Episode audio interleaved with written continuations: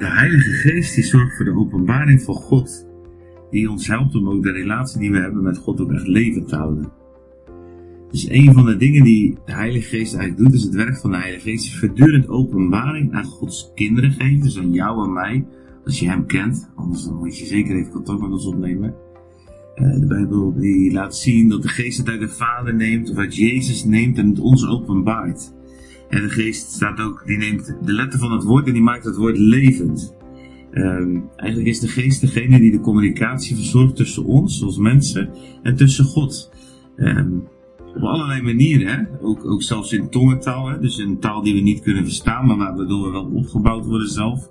Of er eh, staat ook zo mooi onuitsprekelijke verzuchtingen. Dus geest is voortdurend bezig om die relatie tussen ons en God, als het ware, ja, daarin in uit te werken. De adem tussen ons en God. En in 1 Corinthië 2 vers 9 tot 11 staat zo mooi zoals geschreven staat. Wat geen oog gezien heeft, geen oor heeft gehoord en in geen mens hart is opgeklommen. Dat is wat God bereid heeft voor, hem die, voor hen die hem lief hebben. Aan ons echter heeft God het geopenbaard door zijn geest. De geest immers onderzoekt alle dingen, zelfs de diepte van God. Want wie van de mens kent de dingen van de mens dan de geest van de mens die in hem is? Zo kent ook niemand de dingen van God dan de geest van God. Schitterende woorden, heel veel ook hè, voor een vijf minuten filmpje, dus we houden het kort vandaag. Maar uh, de zin die voor mij zo de uitzondering is, aan ons echter heeft God het geopenbaard door zijn geest. Dus de dingen die nooit in, in oor gehoord hebben, geen oog gezien hebben, in geen menshart zijn opgekomen, die wil God door zijn geest aan ons openbaren. Dat is, hij, hij houdt van ons, hij wil een relatie met ons en hij wil daarin ook, ja, als het ware zijn geheimen en zichzelf kwijt. Ja? Dus het, daar gaat het ook over. Hè? De geest onderzoekt de diepte van, van die dingen. Dus God wil zichzelf ook kwijt in ons. Hij wil zichzelf openbaren aan ons. En Paulus zegt dat gaat over dingen die kan je eigenlijk niet bedenken. Dat wat God doet, wil en gaat doen, dat gaat je menselijke begrip zijn waarnemingsvermogen ver te boven.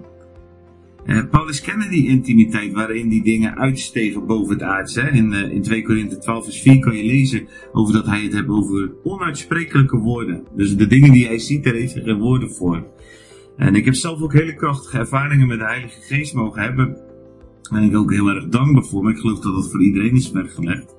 Uh, waarin ik, als ik dan uh, vervolgens aan Michelle probeerde om daar woorden aan te geven, ik daar soms weken voor nodig had om een soort te beschrijven wat ik ervaren had of wat ik zie. Zo krachtig, zo intiem, zo emotioneel, zo uh, verstandelijk ook hoe, hoe je dingen kan openbaren door de geest. Openbaring is dat je dingen leert te weten, te, te, zien, te, te voelen. Het gaat over je hele zijn. Nou, ik geloof dat de Heilige Geest um, jou wil aanmoedigen door deze tekst heen en door mij heen om je daarna uit te strekken. En ik zou je echt willen vragen vandaag daar ook gewoon tijd over te nemen. Het is vandaag zondag, de eerste dag van de week. En je kan lezen dat Johannes op de eerste dag van de week altijd ruim tijd nam. En dan was zij in de geest. Zo wil ik je eigenlijk zo oproepen om vandaag in de geest als het ware een moment te nemen. En je gewoon uit te strekken. Vraag gewoon aan de Heilige Geest, Heer. Breng mij die openbaring die mijn verstand te boven gaat, die mijn uh, gedachten en wat in, wat in mijn hart nog nooit is opgekomen. Heer, breng mij die diepte van openbaring. Want de Heilige Geest wil het geven. En, en ik wil jou aanmoedigen om dat te ontvangen. Dus neem die tijd. Ga voor vandaag. Om dieper in die diepte van God te komen. Dieper in het hart van God. Dieper in de openbaring die ons menselijke verstand te boven gaat. Weet je wat het is? Dat zijn zulke prachtige momenten. Ik geloof dat juist deze ervaringen, deze ontmoetingen, deze openbaringen ankerpunten kunnen zijn voor je geloof hier op aarde. Net zoals, ja, het is, is, anders, maar het is ook wel weer net als in een gewone relatie.